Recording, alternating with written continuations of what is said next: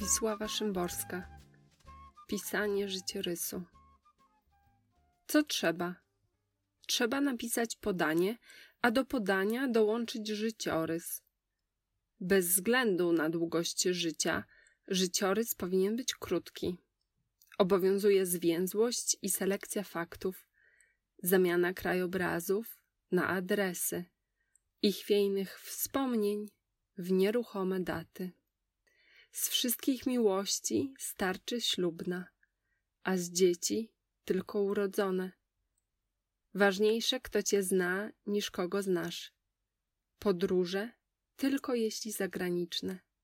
Przynależność do czego, ale bez dlaczego. Odznaczenia bez za co. Pisz tak, jakbyś ze sobą nigdy nie rozmawiał i omijał z daleka. Pomiń milczeniem psy, koty i ptaki, pamiątkowe rupiecie, przyjaciół i sny. Raczej cena niż wartość i tytuł niż treść. Raczej już numer butów niż dokąd on idzie, ten, za kogo uchodzisz. Do tego fotografia z odsłoniętym uchem. Liczy się jego kształt, nie to, co słychać. Co słychać? Łomot maszyn, które mielą papier